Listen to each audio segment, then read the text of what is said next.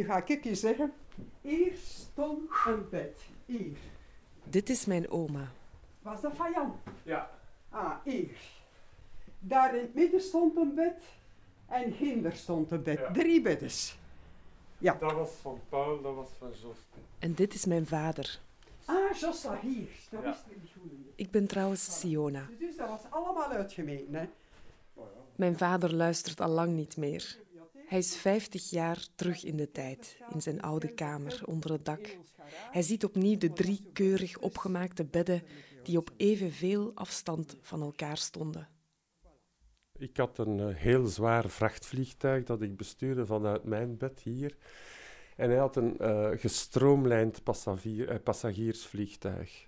Dat hij dan vanuit zijn bed daar bestu- bestuurde. Die andere bestuurder, dat is zijn oudste broer, Jos. Ik weet nog altijd hoe mijn boeiing heette. Dat was de koe op. en zijn eh, vliegtuig heette de Meafin.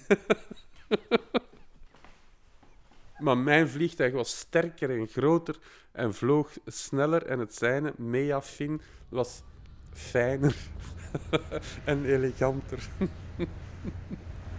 En we vlogen.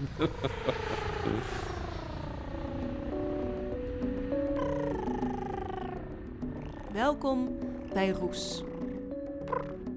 Roes is een vierdelige podcast over de geestige mist waarin we ons allemaal wel eens bevinden. S'nachts, Overdag, net daartussen. of eigenlijk misschien wel constant en altijd. Wij zijn audiocollectief Schik. Schik bestaat uit Siona Houthuis, Merke Kist en Nele Eekhout. radish horse. I forgot how to wake you, unicorn. In de vorige afleveringen doken we met uitgestrekte armen de mist in. We onderzochten verschillende facetten van de roes. Maar wat gebeurt er als de roes eindigt? In deze laatste aflevering worden we weer wakker. En dat niet één, maar drie keer. Drie zestigers kijken terug op een moment dat ze hun ogen openden en de wereld er totaal anders uitzag. Aflevering 4. De ontnuchtering.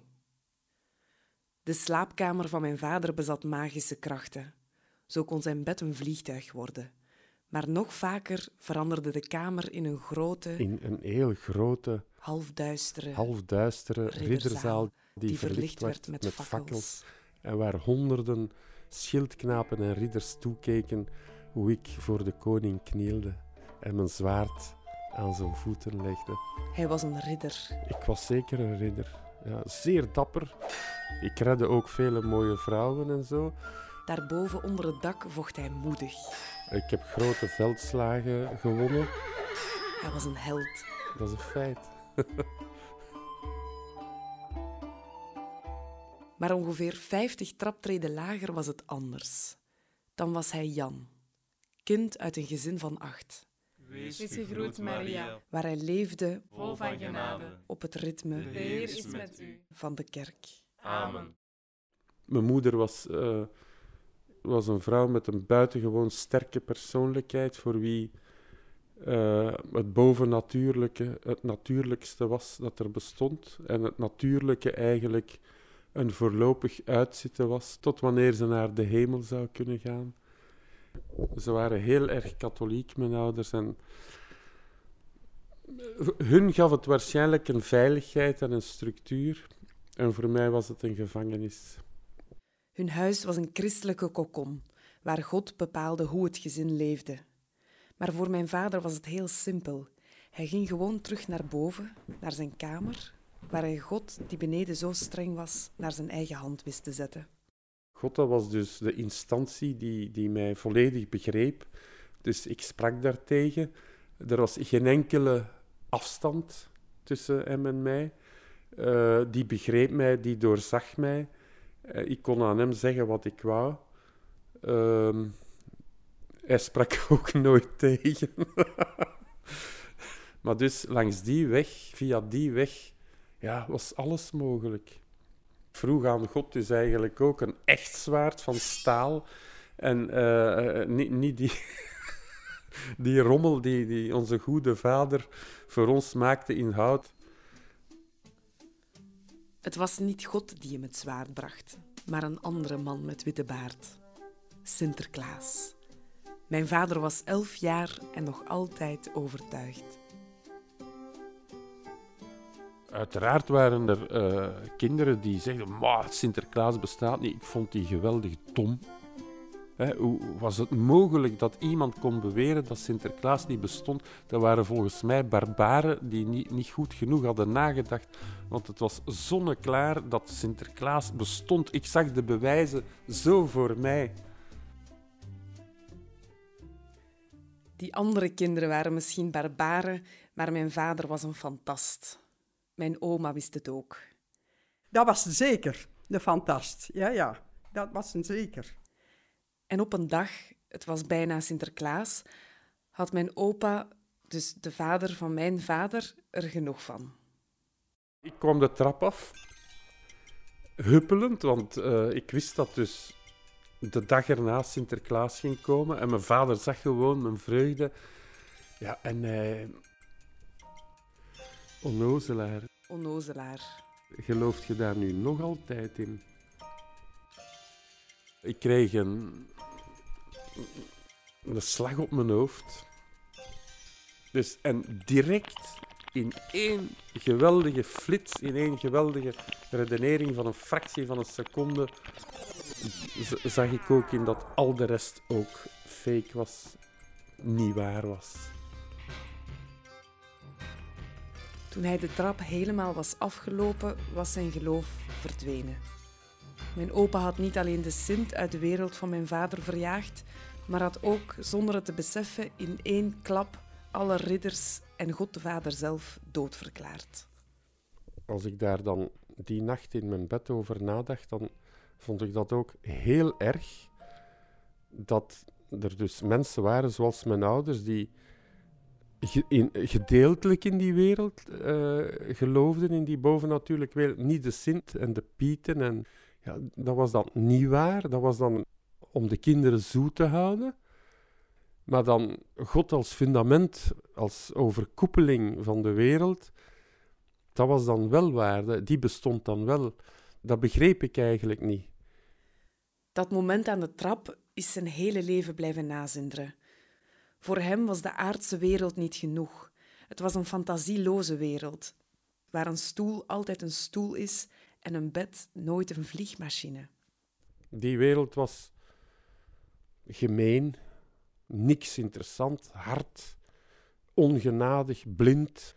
Ik, ik, ik herinner me nog dat eh, de werkelijkheid voor die ontnuchtering heel troostrijk was. Daarna was er niks meer. Daarna kon je hoogstens nog tegen jezelf praten, maar eigenlijk antwoordde er niemand meer. Er was geen, geen galm meer. Er was geen hemelsbaldakijn meer. Het was gewoon kaal en brut. Een kale wereld, waar een stoel niet meer is dan een houten structuur met twintig schroeven.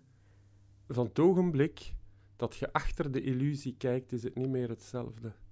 Vanaf dat ogenblik is de wereld een onttoverde plek, zonder illusies. Ja, dat kan ik me nog wel herinneren, ja. Dit is Marijke.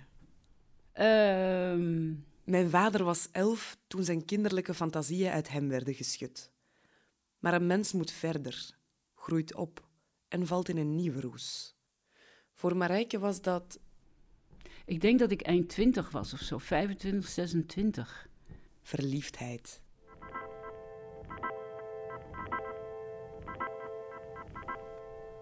Wat was er zo mooi aan hem? Ik denk, hij had een mooi lijf.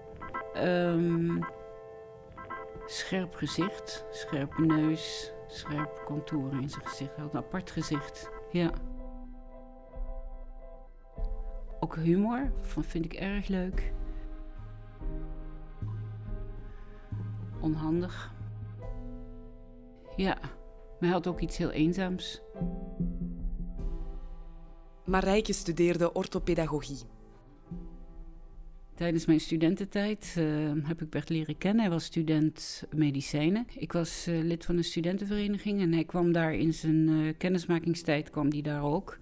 Dus dat was hoe lang geleden? Ja, ik denk dat dat zo'n 35 jaar geleden is. Nou, wat is 35?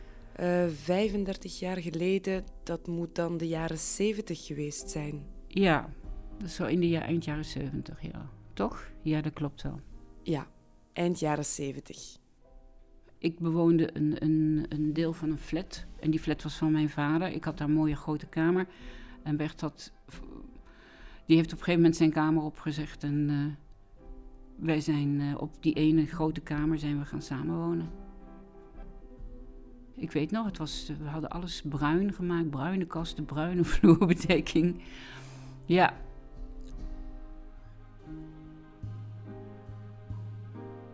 Ja, ik was wel heel verliefd op hem. Ja, dat zit in je lijf. Dat, dat, is iets wat zo ja, door je heen gaat. En wat, wat je uh, ja, bijna op zielsniveau raakt. Ik kan dat haast geen woorden geven. Op een gegeven moment, ik zat op het einde van mijn studie. Ik moest nog een paar eh, laatste examens doen. En ik had echt zoiets van, goh, hoe willen we nu verder? En daar hadden we het over. En ja, toen hadden we toch wel zoiets van, uh, ja, we willen eigenlijk ook wel gaan trouwen. En nou, hoe gaan we dat dan doen? Nou, in eerste instantie vonden we toch wel dat we dat mijn ouders moesten laten weten. Dus ik heb mijn, uh, mijn ouders gebeld en ze uitgenodigd voor een etentje. En we zijn toen naar hen toe gegaan. En toen hebben we in, in Berg op Zoom, was een mooi uh, restaurantje, dat heette de Bloemkool, dat zal ik nooit vergeten. Ergens boven, heel romantisch. En uh, we zouden dan tijdens dat etentje, zouden we het hun vertellen. Nou, dus goed, dus wij naar mijn ouders, naar het restaurantje, was allemaal heel gezellig. En uh, nou, we zaten zo te eten en toen, um, ja, zo, ook ik was weer degene die daar in het voortouw nam. En zei van, tegen mijn ouders dat we ja, heel graag dat we, graag dat we met elkaar wilden gaan trouwen. En uh, toen was het even helemaal stil. En toen zei Bert: Ik weet eigenlijk niet of ik dat wel wil.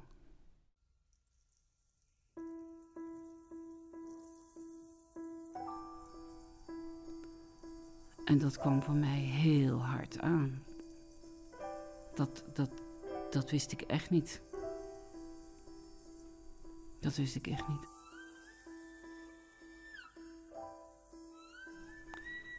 Ik had zoiets van: dit is niet waar. Dit, dit, kan niet. waarom heeft u me dat nooit gezegd? Ja. Ja, ik dacht, we komen iets heel moois vertellen. En uh, ja, iedereen is daar blij mee en Bert ook. En dat was dus eigenlijk helemaal niet zo. Nou ja, toen was het etentje natuurlijk snel afgelopen. Uh, zijn we naar huis gegaan. En ik heb Bert gevraagd of hij wilde gaan. Dus daarmee was de relatie voor mij ook uh, echt over.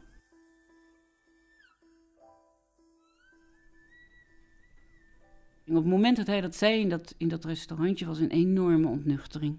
En ik denk dat die ontnuchtering ook gemaakt heeft dat ik dacht, nu is het klaar. Ja. En ik weet dat ik volgende, die volgende dag had ik een examen. En uh, ik zie mij nog in die gang staan. Het deed zo'n zeer allemaal. Dacht ik, Marijke, nu knop om. Knop om, examen doen en daarna kun je weer verdriet hebben. En dat is me gelukt. Dat is me gelukt. En ik heb dus wel die eindstreep gehaald toen. Maar zonder hem. Ja.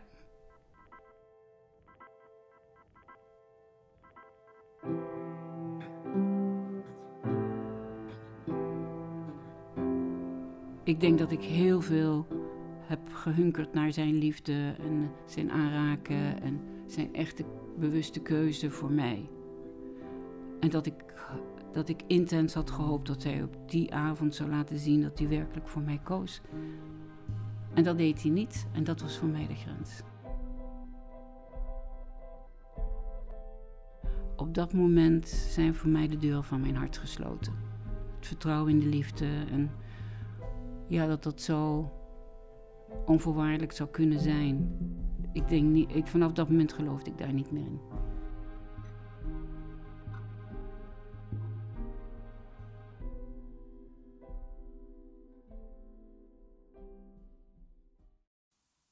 Marijke was 26. Mijn vader ontnuchterde op zijn elf. Ontnuchterde. Ontnuchterd. Ontnuchtering. Ont, ont, ontnuchterd?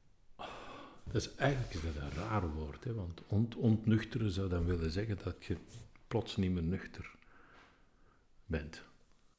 Dit is Guillaume van der Stichelen. dat je plots, plots niet meer nuchter bent, maar eigenlijk wil het woord het tegenovergestelde zeggen. Hè? Eigenlijk wil het zeggen dat je ontroest en, dan, en dan, dat je dan plots nuchter bent. De ontnuchtering. Guillaume heeft een eigen kijk op de ontnuchtering. Ik, ik was- ik ben een gelukskind, hè? ik ben een zondagskind. Dit is zijn verhaal. Ik ben met de keizersnee geboren, dus ik heb dit hele trauma niet meegemaakt van andere mensen. mijn, hers, mijn hersens zijn niet samengeperst. ik ben gewoon snee in de buik en hop, daar was ik. En hup, daar was Guillaume. Als het even kon, zou hij rechtstreeks uit de buik op zijn eigen stappers willen staan. Als zoon van een scheepshersteller en een huisvrouw werkt hij zich in een mum van tijd op tot vaste waarde in de reclamewereld. Hij bedenkt zinnen die tot winstgevende slogans worden gebombardeerd.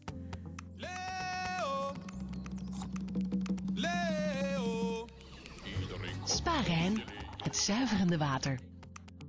Guillaume verdient op eigen houtje een winnend lottoticket bij elkaar. En ik ben elke dag wakker geworden.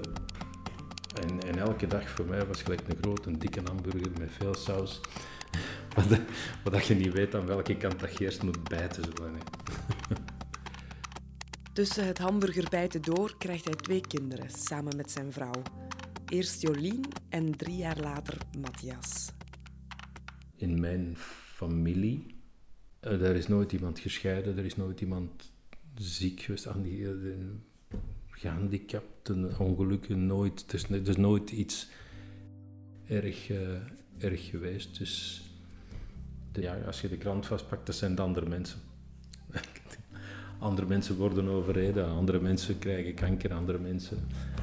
Maar, eh, maar wij, zijn, wij zijn onoverwinnelijk. Tot ergens in de loop van zijn 55ste levensjaar de dag anders begon. Licht uit, einde verhaal. Vijf jaar geleden, op een nacht in maart, verliest Guillaume zijn 21-jarige zoon. Matthias is op een studentenfeestje in een onbeschermd keldergat naar beneden gevallen en heeft hierbij het leven gelaten.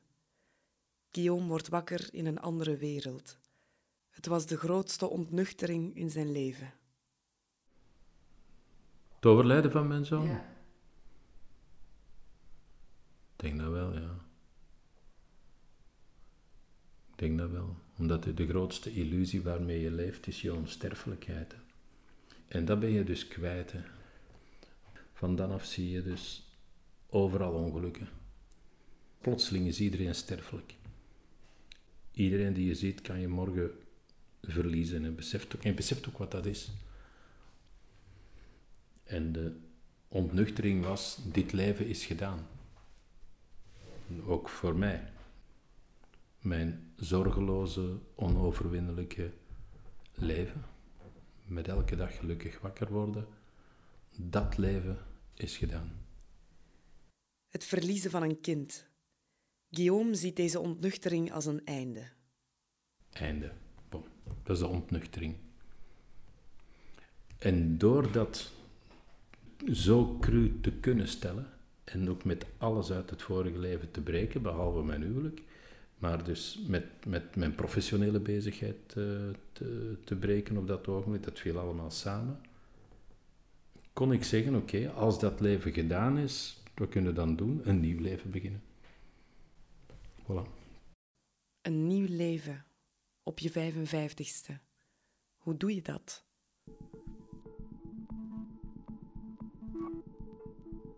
Je moet je voorstellen dat je al, moet leren terug naar de brievenbus gaan.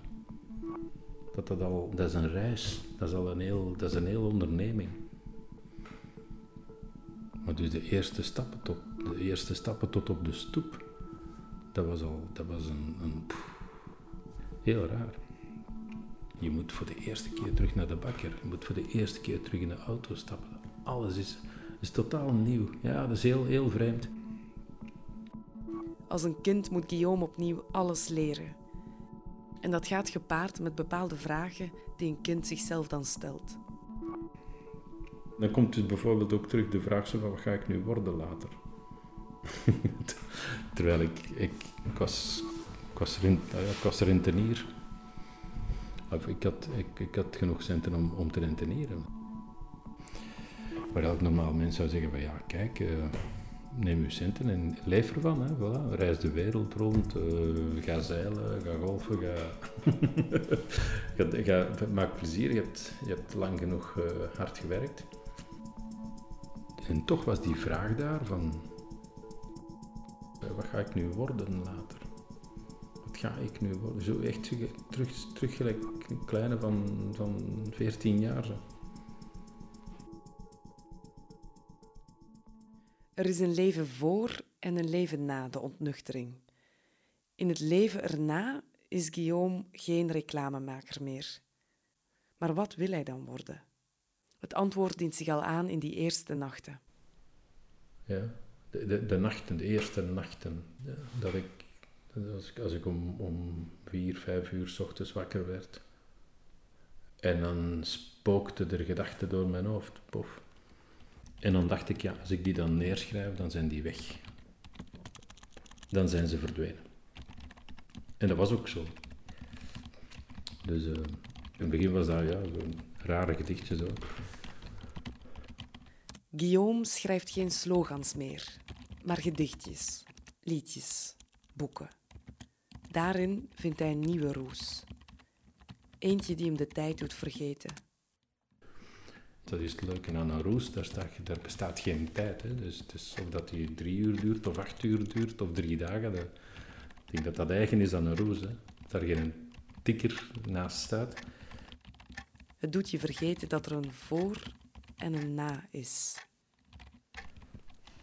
En dat je dus die, die, het gepieker in je hoofd en de, de, de, de duistere gedachten in je hoofd even ruimte laten voor pff, weet ik, ja, iets anders. Hè. Iets anders. Iets anders. Een andere roes. Een ander leven. Na de ontnuchtering komt een nieuwe roes. Want zonder roes of zonder illusies is het leven gewoon kaal en brut. Kaler. Ja. Mijn vader, de man die ridder wou worden, gelooft dat illusies van levensbelang zijn. Daar ben ik rotsvast van overtuigd. Van het ogenblik dat we er niet meer toe komen om illusies te bouwen, dan denk ik dat we gek worden. Het ding is wel bij mensen dat ze in hun illusies moeten kunnen geloven. De illusie moet een vanzelfsprekend onderdeel zijn van uw leven. Maar eens ontnuchterd, is die illusie niet meer vanzelfsprekend. Ja, die deuren zijn zo ongelooflijk hard dichtgegooid bij mij.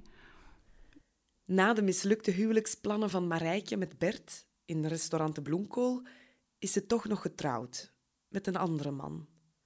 En daarna met nog een andere. Ik ben daarna dus twee keer getrouwd. En heb ik het dus uh, twee keer afgesloten. Twee keer was het niet wat ze zocht. Hoe pijn het ook deed, want je hebt natuurlijk wat opgebouwd met iemand. Eens de deuren van je hart zijn gesloten, eens een illusie is verbrijzeld, is dat niet zomaar hersteld. Het heeft wel lang geduurd, hè? Als je 60 moet worden voordat je weer werkelijk je grote liefde ontmoet. Niet zomaar. Dat vind ik wel veel, uh, veel jaren. Maar het kan dus wel. Ook al duurt dat soms 35 jaar. Eigenlijk sinds, sinds kort heb ik iemand ontmoet bij wie, dat, bij wie die deuren wel weer open zijn gegaan. Dus ik ben ontzettend blij dat ik dat nog een, toch nog misschien nog wel een keer op een goede manier mag meemaken.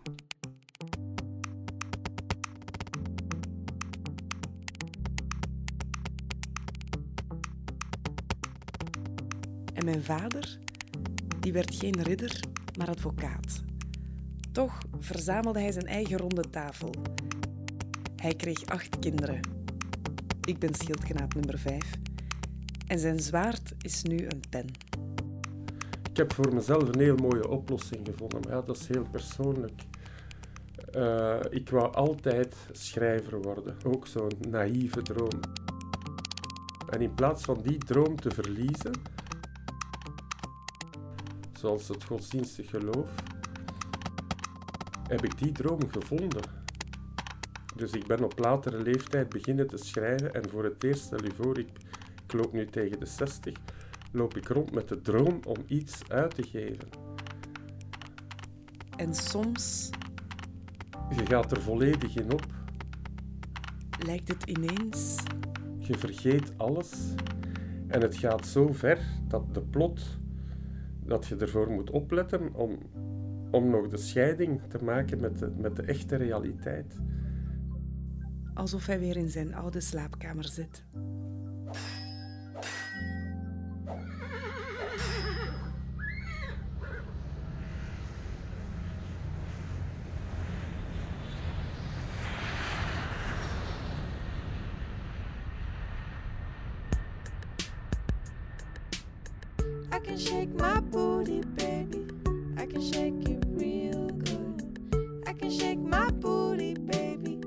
Dit was de laatste aflevering van Roes.